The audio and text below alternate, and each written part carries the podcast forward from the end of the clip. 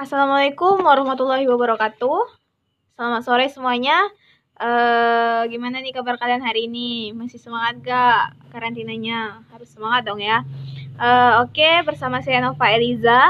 Di podcast kali ini kita akan membahas mengenai pendekatan dalam penelitian kualitatif.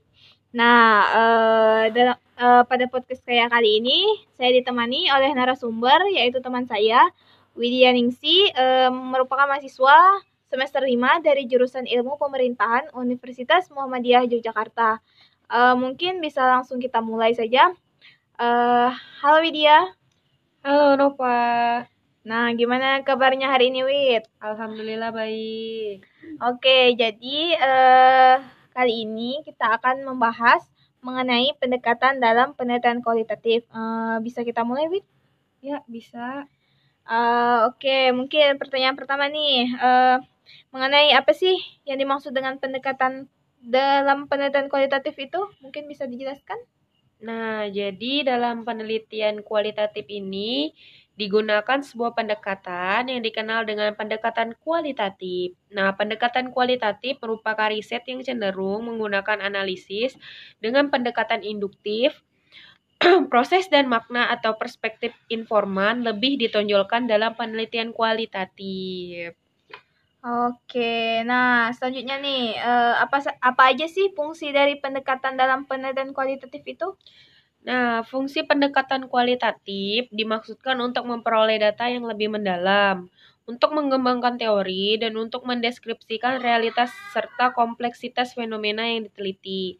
Pendekatan kualitatif umumnya mengadopsi teknik observasi dan wawancara secara mendalam.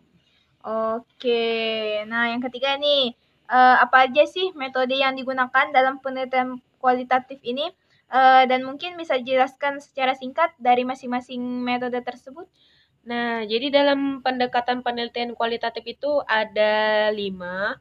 Yang pertama itu ada studi naratif. Nah, studi naratif bisa didefinisikan sebagai studi yang berfokus pada narasi, cerita atau deskripsi tentang serangkaian peristiwa terkait dengan pengalaman manusia. Nah, contohnya itu ada biografi, sejarah kehidupan, dan lain-lain. Kemudian yang kedua ada studi fenomenologi yang merupakan studi yang berusaha mencari esensi, makna dari suatu fenomena yang dialami oleh beberapa individu. Kemudian yang ketiga ada studi grounded theory.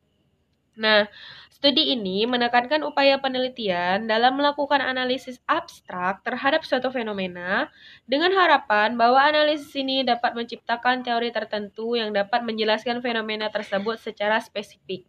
Kemudian yang keempat ada studi etnografis.